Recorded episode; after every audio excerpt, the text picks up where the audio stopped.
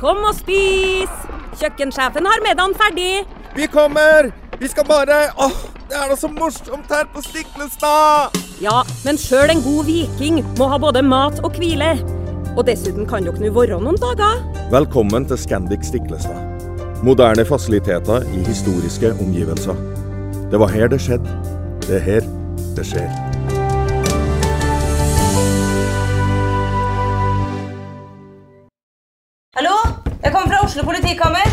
Ine Jansen er purk. Er du purk? The motherfucking bitch. Alt jeg vil, er å finne ut hva som skjedde med mannen min. Jon Carew. Er jeg sikta for noe? Iben Akeli. Det er du. Ole So, Lars Berrum og Big Daddy Karsten. Hvem sin side er du på, egentlig? Anette Hoff, Tone Danielsen, Kommer du fra Afrika? Jørnis Josef, Nesten. Kløfta. Trond Espen Seim, Det er synd å si det, men det var feil mann som døde. Purk. Premiere tirsdag på TV2 Play.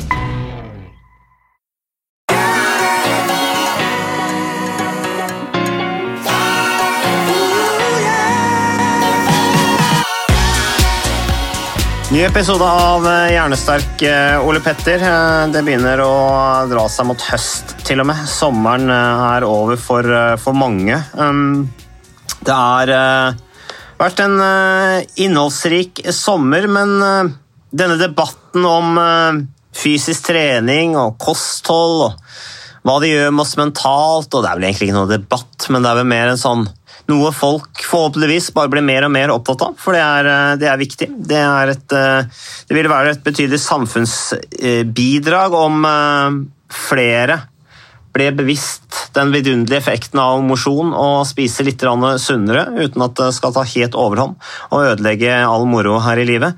Men Ole Petter, eh, lyttespørsmål er alltid fint å ha.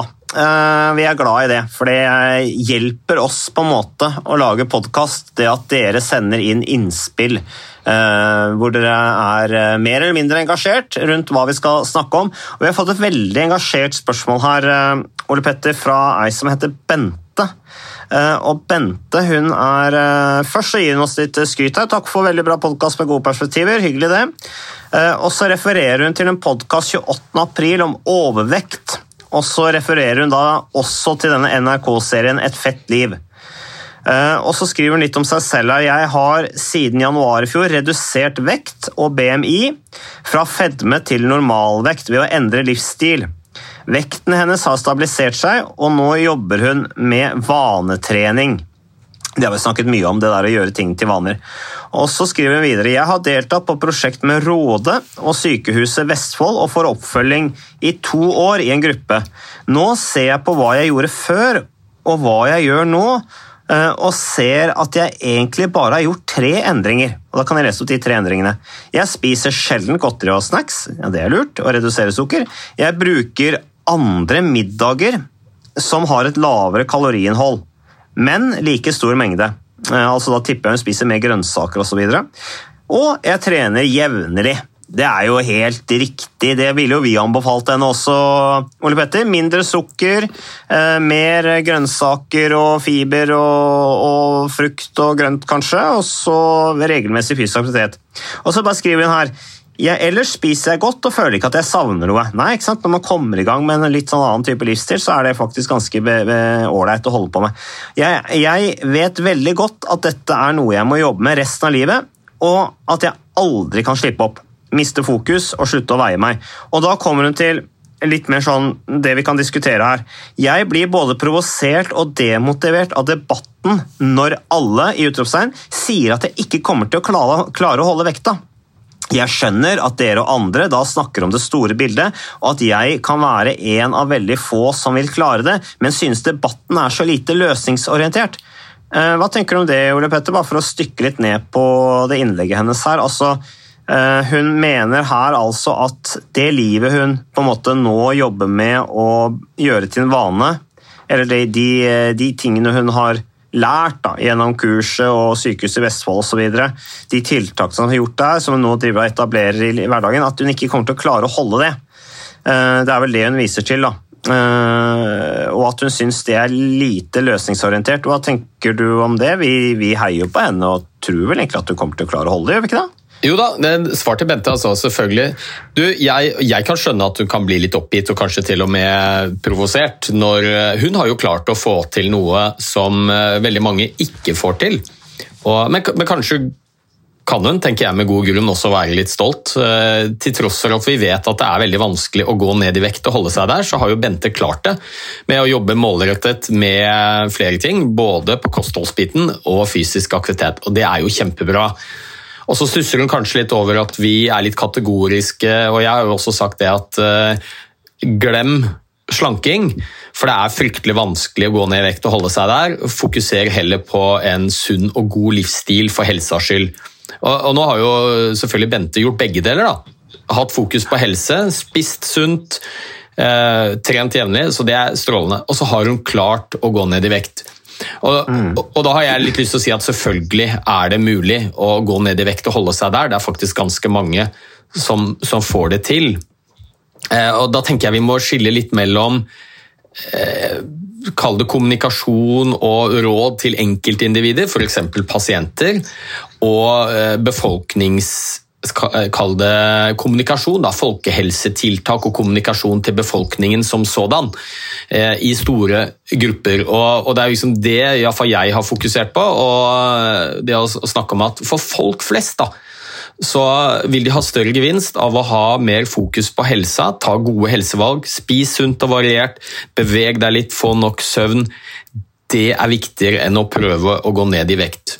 For det er vanskelig for mange å gå ned i vekt og holde seg der. Men det er jo selvfølgelig en del som klarer det. Så på enkelt pasientnivå så har jeg mange pasienter jeg, som jeg vet er motiverte, har en vekt som er svært uheldig for helsa deres. Så anbefaler jeg også selvfølgelig vekttap. Men når vi snakker til eh, hele befolkningen, så er liksom hovedpoenget ha, ha mer Vi må prøve å vri fokuset litt vekk fra dette ensidige fokus på hvor mye man veier. Vi hadde en pasient her, eller unnskyld, en lytter. Når man er lege, så blir fort alle pasienter. Eh, Vi hadde en lytter er som skrev inn og sa han var litt provosert provosert over legen sin fordi vedkommende trente fire ganger i uka, hadde god helse, fint blodtrykk, men hadde litt høy BMI og fikk litt refs av legen for det og ble bedt om å gå ned i vekt. Legen spurte ikke om fysisk aktivitetsnivå engang. Så mm. ja, jeg står jo fast ved det jeg har sagt mange ganger. Jeg tror folk flest har bedre nyttegevinst av å um, og vi leger hjelper pasientene våre mer om vi snakker litt mer om hva som er viktig for god helse, og ikke har så mye fokus på vekta. Men det er selvfølgelig eh, mulig å gå ned i vekt og holde seg der. Eh, mange jobber målbevisst mot det, og så ser jeg en annen ting som jeg tror er en suksessfaktor også for Bente. Det er å få god oppfølging. ikke sant? Hun har vært hos Rode, hun har vært på sykehuset i Vestfold. Der har de noe som heter Senter for sykelig overvekt, og det er dyktige fagpersoner som følger deg opp over tid, hvor det er fokus. Men det er jo også noe av det som kjennetegner mange av de da, som er seriøse aktører og som jobber med vekttap, f.eks. Rode, sykehuset i Vestfold. De har også fokus på fysisk aktivitet. De har også fokus på søvn og alle disse andre gode livsstilstingene som gjør noe med helsa, men faktisk også med vekten. Det høres ut som, ut fra det jeg leser fra, eh, fra Bente her, så har jo hun fått litt nye perspektiv på ting og er veldig inspirert og føler at det gir resultater og at hun er motivert og synes kanskje at det er helt at, at hun, hun, Jeg tror hun har en sånn holdning at hun skal i hvert fall ikke tilbake der hun var. Og at hun har lært så mye nå at det burde ikke være at for henne så er det ikke noe problem å fortsette med dette her, fordi at nå har hun lært så mye, og hun er motivert, og hun har, har, har, har skapt såpass gevinster at hun ønsker å ta, ta vare på det videre. Ja, da, og, og så er det viktig å presisere en ting, og, som jeg også har sagt tidligere, da, at uh, vi må snakke litt om hvilken kategori overvekt man har. Altså, som sagt så deles det jo da inn i forskjellige kategorier. Uh, overvekt hvis du, er, du har overvekt hvis du er mellom en BMI mellom 25 og 30. Og så er det da fedme hvis du er mellom, fem, me- mellom 30 og 35, og så er det sykelig eller alvorlig fedme hvis det er over det. Og da da er det litt forskjell, fordi veldig mange av de som i helsevesenet kommer til fastlegen sin for å få hjelp med helsa, de er i kategorien overvekt, er ellers friske, fint blodtrykk, fint kolesterol, er kanskje til og med en del fysisk aktive. Og så blir det et ensidig fokus på at vet du hva, du har for høy vekt, du må ned i vekt. Og så blir det bedt om å slanke seg. Og da vet vi fra større studier at godt over halvparten av de som prøver på det, de ender faktisk opp med en høyere vekt enn der de startet. Og Da ville det vært et bedre fokus å si at vet du hva, ikke, kanskje ikke tenk så mye på de kiloene, for de er ikke noe utfordring for helsa di. Men det er viktig å unngå å gå opp i vekt, så derfor bør du leve sunt, spise variert, bevege deg litt. Men når vi kommer over til disse fedme og alvorlig fedme, og det var jo der eh, Ronny var, fra et fett liv. Han hadde jo et mål om å gå fra alvorlig fedme til kall det bare fedme. Og Er du i den kategorien alvorlig fedme, så vet vi at du har mangedoblet risiko for en rekke forskjellige sykdommer, og vil i snitt leve betydelig kortere enn en som er normalvektig. Så da anbefaler vi selvfølgelig vekttap. Eh, men ikke vekttap isolert. ikke sant? Du får jo vekttapet ved å ha gode livsstilsvaner og ta gode valg. Så vi snakker om bevegelse, vi snakker om eh, kalorirestriksjon, men fortsatt spise variert, ikke sant? og faktisk også spise mat som du trives med. Så det er et ganske komplekst, komplekst bilde, da. Men eh, ja, jeg står iallfall helt, helt klart fast ved det jeg har sagt mange ganger, at det viktigste vi gjør for helsa, det er å, å ta disse gode livsstilsvalgene, um, som også inn, innebærer mer fysisk aktivitet. Selv om fysisk aktivitet i seg selv ikke er like effektivt for å gå ned i vekt som fokus på kosthold. Nei, men Her er det jo tre viktige ting som Bente trekker fram. Som jeg nevnte også. Mindre sukker, mer variert, uh, sunnere kosthold og fysisk aktivitet. Uh, et sånn trekløver uh, som, som henger sammen. Eh, helt naturlig, og som er veldig effektivt når man eh, gjør alle tre samtidig. Men eh, ja, hun viser dette med vekt, at, skal, at vi har sagt og andre sier at det der å gå på vekta resten av livet er ikke noe vits. Og sånne ting, og så sier hun hun syns det er rart, hvorfor skal man ikke det? Hvis man hadde hatt en hvilken som helst annen kronisk sykdom eller metallallergi, ville man aldri sagt det samme. Uh, ja. Og det vi har sagt, er vel det der med å gå på vekta hver dag. Uh, jeg har jo noen eksempler på kjente som også går på vekta hver dag. De blir veldig ivrige.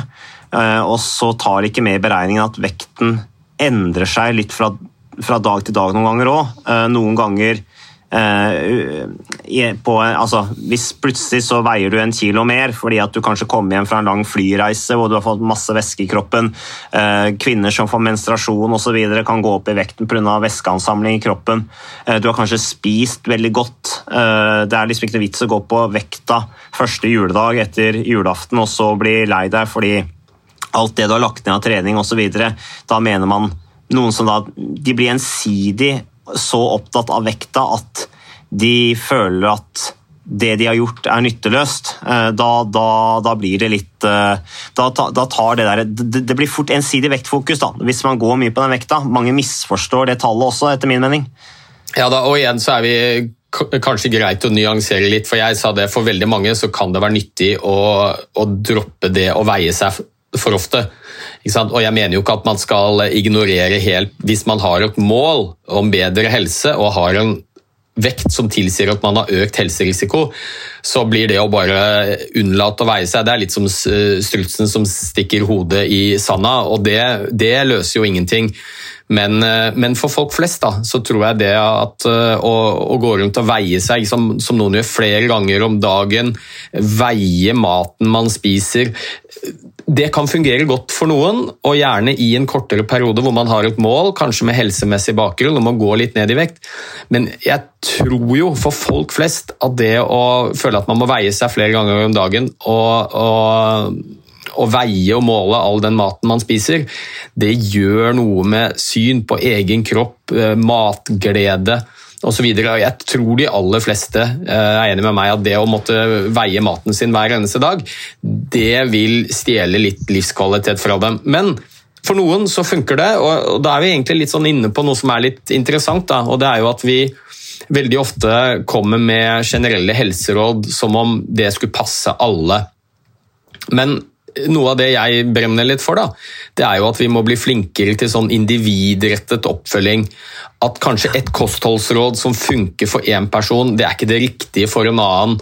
Eh, at vi bruker mer tid vi da, som leger med pasientene våre og prøver å tilpasse rådene til den enkelte preferanser, eh, motivasjon, andre sykdommer de eventuelt må ha. For det er ikke sånn one size fits all at vi faktisk blir flinkere til å, å se hvert enkelt individ og, og, prøve sammen med den å finne ut hva er det som funker best for deg, uh, eh, istedenfor mm. å bare komme med generelle råd.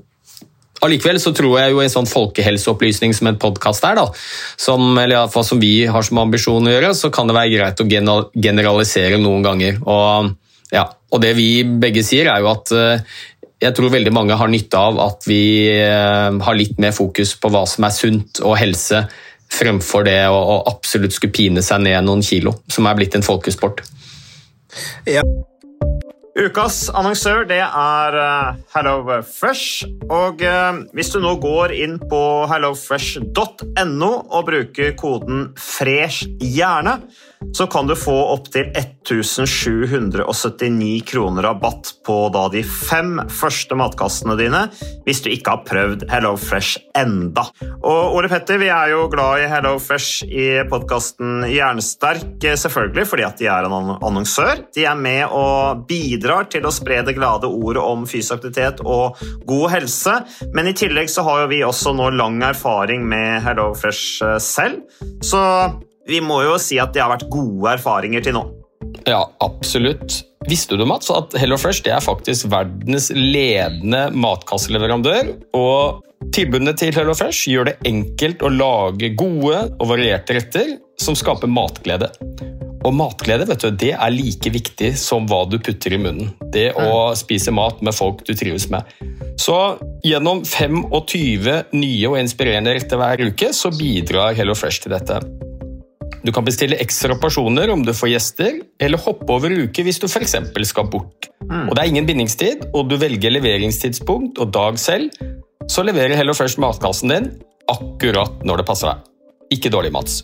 Nei, det er veldig bra. Så, eh, og dette er med enklere hverdag, det kan jeg nå skrive under på. For nå, forrige erfaring vi hadde forrige uke, Ole Petter, det synes jeg var Det var jo et gjennombrudd eh, for familien Kaggestad. For da lagde rett og slett barna de lagde middag og serverte middagen, så den var ferdig laget og servert da når eh, min kone Marita og meg kom hjem fra jobb.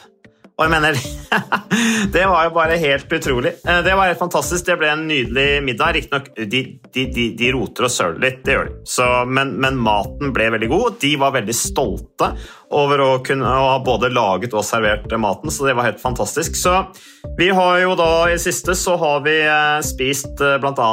sitron- og dillstekt hyse med ovnsbakte grønnsaker og aioli.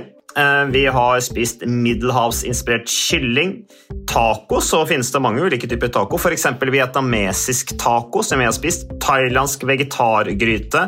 Veldig riktig og sunt uh, i dagens uh, samfunn med, med, fokus på bærekraft. Hvitløk og chilistekte reker i spagetti, det var definitivt en vinner. Så det er så flott. Du får rimelig mat ved at du kun betaler for det du trenger, så det blir ordentlig feststemning med Hello Fresh. Det gjør det, og nå er det bare for deg å gå inn på hellofresh.no og bruk koden 'fresh hjerne'.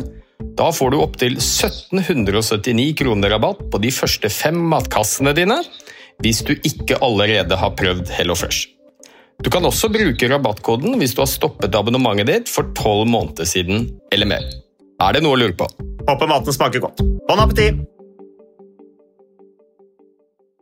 Ja, og jeg vil jo tro også Bente. ikke sant? Nå er hun sikkert uh, i, uh, i, en prosess hvor hun går ned en del i vekt, uh, og kanskje vekta er motiverende, men så etter hvert så vil hun kanskje komme på et nivå hvor vekta stabiliserer seg, eh, og hvor det ikke er noe mål å gå ned noe mer vekt. Men målet er kanskje snarere heller å bare eh, vedlikeholde det kostholdet hun har etablert. Eh, til en viss grad, eller i stor grad, og, og vedlikeholde mosjonsvanene hun har etablert. Det er på en måte det viktige. det er viktigere enn om hun skal gå, om hun går opp og ned en kilo en gang iblant, liksom. Det, ja, for man kommer jo til et punkt, tenker jeg, sånn vektmessig, hvor det, det er jo egentlig ikke så interessant. Altså, om du veier eh, Sånn er det jo med både meg og deg også, Ole Petter. I perioder i løpet av noen år så har man noen perioder man veier litt mer og litt mindre, men vanene våre sånn generelt de er såpass gode at vi, vi vil sannsynligvis ikke øke dramatisk i vekt, så lenge vi bare vedlikeholder de vanene vi har. Nei da, og igjen, ikke sant, selvfølgelig er du opptatt av vekten din. Kanskje har du en vekt som er utfordrende med tanke på helsa. Selvfølgelig er det greit og også nyttig å en gang iblant sjekke vekten for å finne ut hvordan ligger du an. Ikke sant? Kanskje jobber du mot en sunnere livsstil, og med det så går vekten litt ned. Helt strålende, det kan virke veldig motiverende, men kanskje ikke gjør det hver dag og flere ganger om dagen. Det er litt som en kompis som, som jobber med aksjer, som sa, sa, det til en av sine kunder at uh, nå har du en del penger i aksjemarkedet, men ikke gå inn og sjekk kursen hver eneste dag. For det er litt naturlige svingninger, og det ble fort gjort at eh, humøret følger aksje, aksjekursen. Uh, og det mm. rett og slett stjeler litt uh, livskvalitet fra folk. Så mm, ja, sjekk gjerne vekten av og til, men kanskje ikke hver dag. For det er også naturlige svingninger, mm. avhengig av hvor mye vi har drukket, om vi har vært på toalett eh, forskjellige vekter osv. Så, videre. så um, litt sånn prøv å ha et balansert forhold til det. Ja. Det er også bare Husk på at hvert hvis du har trent veldig lite eller hatt et relativt inaktivt liv, eh, og plutselig begynner å bevege deg og komme i form, så har jo også musklene en viss vekt. da, Sånn at man bare er klar over det. Så, men eh, skal vi se her, Hun skriver videre ønsker meg mer eh, fokus på oppfølging, stabilisering og vantrening. Det er jeg helt enig med, med Bente i. Eh, og dette mener jeg er noe fastlegene kunne fulgt opp på samme måte som andre kroniske sykdommer. Det er vel du helt opptatt av. Det har du også nevnt litt, Ole Petter. Dette med individuell oppfølging. At fysisk aktivitet er, er også medisin. Um, jeg vet ikke om vi skal ta noe mer om det spørsmålet. Er det noe mer du tenker vi burde fått fram der, Ole Petter? Ja, jeg, kan, jeg sier meg helt enig med Bente. at Når det gjelder det å, å, prøve å hjelpe noen til å endre livsstil, om det er eh, kosthold, trening, søvn, alkohol, røyking, hva det måtte være for noe, så tror jeg vi i helsevesenet, og jeg snakker mest for min egen profesjon, legene, kan være flinkere til å følge opp pasientene individuelt. ikke sant? At ikke alle råd passer like godt for alle. Vi må kjenne pasientene våre, og så må vi følge dem opp. Bør vi tett over tid. Eh, og Vi sier jo at vi ofte er veiledere, og veileder betyr jo å lede langs veien. altså rett og slett At du må være med pasientene over tid. Vi, vi er litt for dårlige på det. Ofte så gir vi informasjon om her er et uh, utskrift fra et sunt kosthold for deg som er diabetes type 2. Gir det til pasientene. Og så vet vi at det er ofte ikke nok det er nyttig informasjon, men det skaper ikke noe særlig endring nødvendigvis. Så vi bør være mye flinkere til å følge opp over tid. Og, og da har vi jo en utfordring med fastlegeordningen sånn som den er laget, med veldig mange pasienter, kort tid til hver pasient. Det er rett og slett ikke kapasitet til det, så vi må gjøre noe med fastlegeordningen. Vi må ha mer tid til pasientene våre, og så må vi lære mer om dette i studiet. Vi må lære mer om søvn, fysisk aktivitet, kosthold. Mm. Det, det, er ganske interessant det Bente skriver. Altså, hun er en veldig reflektert eh, dame med mye gode perspektiver. Hun skriver annet her eh, noen trenger mental, hun, hun snakker om dette med individuell oppfølging. da. Skriver, noen trenger mental oppfølging, noen ernæringsråd, andre fysisk aktivitet. råd om fysisk aktivitet. Og Det tenker jeg er sånn spennende. La oss si at du er fastlege, Ole Petter, du som har erfaring med dette. her. Eh, og så har du en pasient som hele livet har eh, trent, vært frisk, eh, spist sunt, så plutselig møter vedkommende en, en stor utfordring i livet. En, kanskje en sorg eller noe som oppleves som voldsomt belastende og, hva, og møter da den pasienten og snakker med pasienten, og så sier da pasienten at ja, jeg har sluttet å trene, jeg orker ikke Altså, jeg, jeg, jeg, jeg gjør ikke de tingene jeg gjorde før. Eh, og da, på en måte, da tenker jeg, da er jo da, da kan jo legen til de grader komme inn som en, eh, som en, rådgiver på forebygging ved å si at ja, særlig nå er det viktig at du vedlikeholder de gode vanene du hadde tidligere. Er, nå trenger du det kanskje mer enn en før? Ja, ja, og, og det her er jo litt av kjernen i problemet, tenker jeg. da. Eh, vi kan ta en tenkt situasjon på et fastlegekontor, for det kommer inn en pasient som har eh, sykelig eller alvorlig fedme og, og er inne til en 15 minutters eh, konsultasjon sant? hos fastlegen. og Fastlegen ser jo det som er åpenbart, at her er det en høy vekt, vet at det er risikabelt for helsa og så setter vi i gang og så begynner vi å snakke om hva, hva er det den pasienten må gjøre for å gå ned i vekt. Det vi i mye større grad må gjøre, er jo å bruke tid med pasientene og spørre kanskje hvorfor har det blitt sånn. Altså, kan du fortelle litt om din historie? Helsa di fra før. Hvordan har du det? Har du noen andre sykdommer? Når var det du begynte å gå opp i vekt? Og når du bruker tid på det, så skjønner du hvor ufattelig komplekst mye av dette er. da. Det er ikke sånn at denne personen har høy vekt fordi de er late, umotiverte og, bare spiser usunt. Ofte så ser vi at det er komplekse ting. Kanskje har de mentale utfordringer, depresjon, har, traumatisk oppvekst eh, og andre sykdommer som påvirker vekt. Det er så uendelig komplisert. Eh, og da, da må vi få ta høyde for det. og jeg mener Vi bommer jo fullstendig på målet da. ikke sant? Sånn som denne forrige lytteren skrev også. Ja, jeg har høy BMI, men hadde legen tatt seg tid til å spørre meg om mitt fysiske aktivitetsnivå, så hadde legen skjønt at vet du hva, du gjør jo mye riktig som er bra for helsa di. Den vekten din er ikke noe stort problem for helsa di.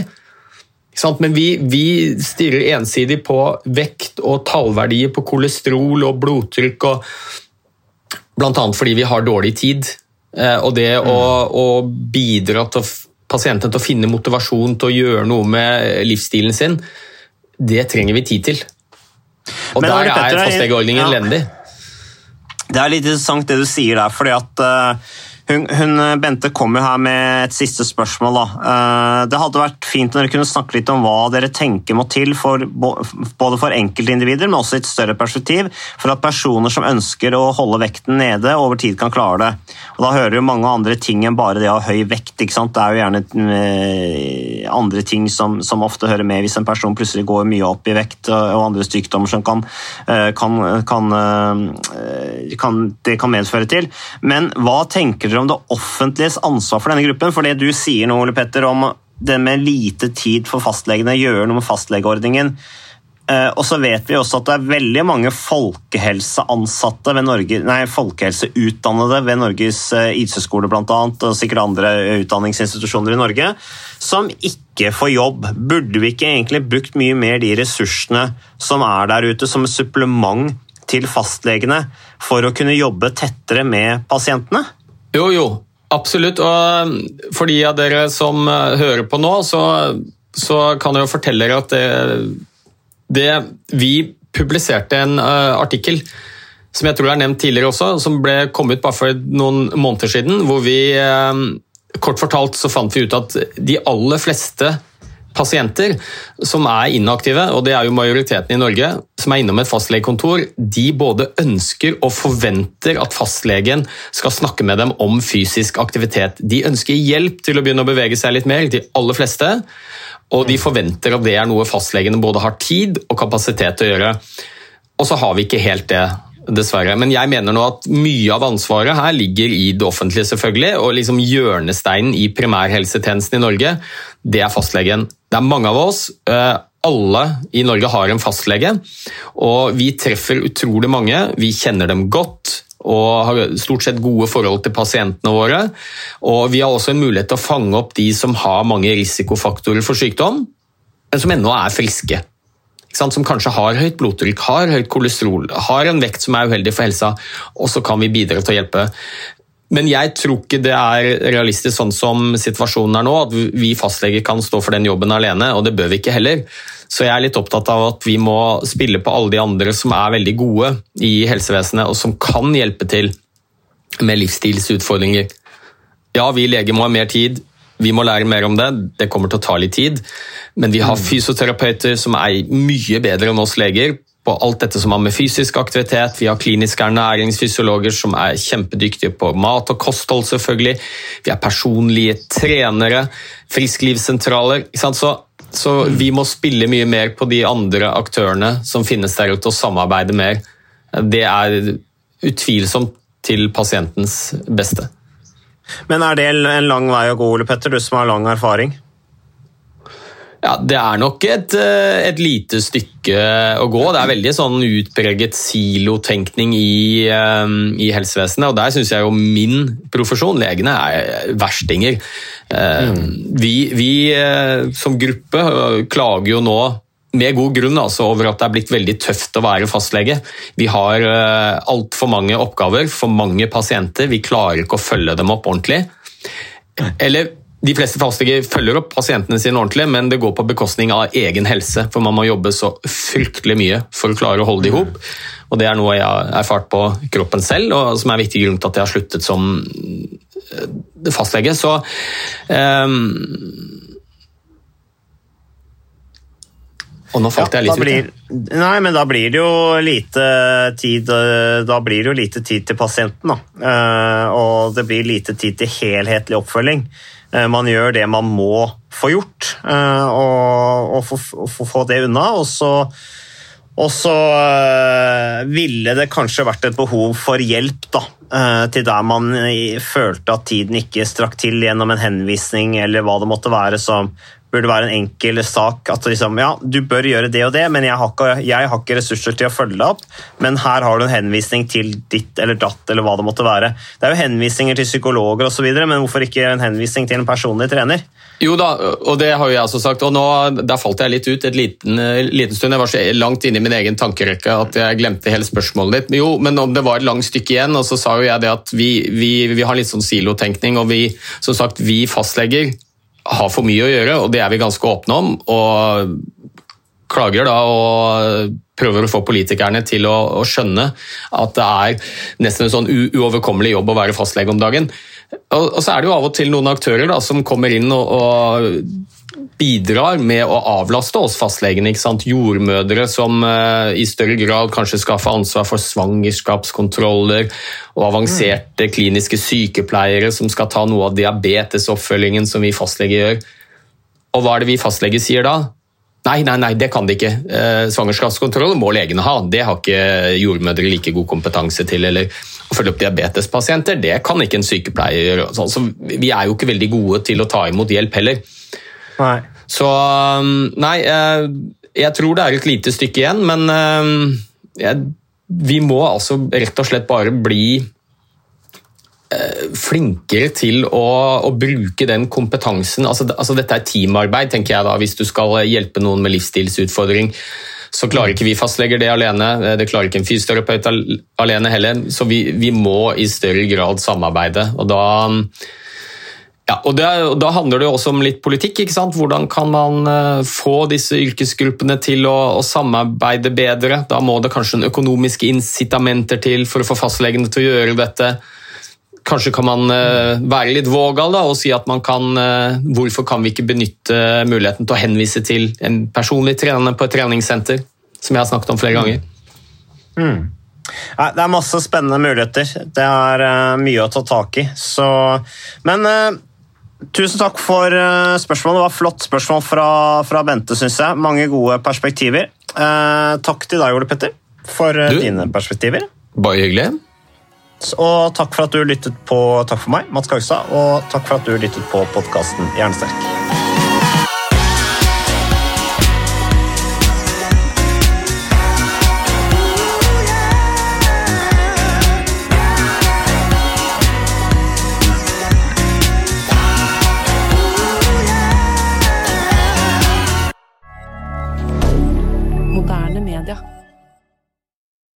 Har du et enkeltpersonforetak eller en liten bedrift? Da er du sikkert lei av å høre meg snakke om hvor enkelt det er med kvitteringer og bilag i fiken, så vi eh, gir oss her, vi.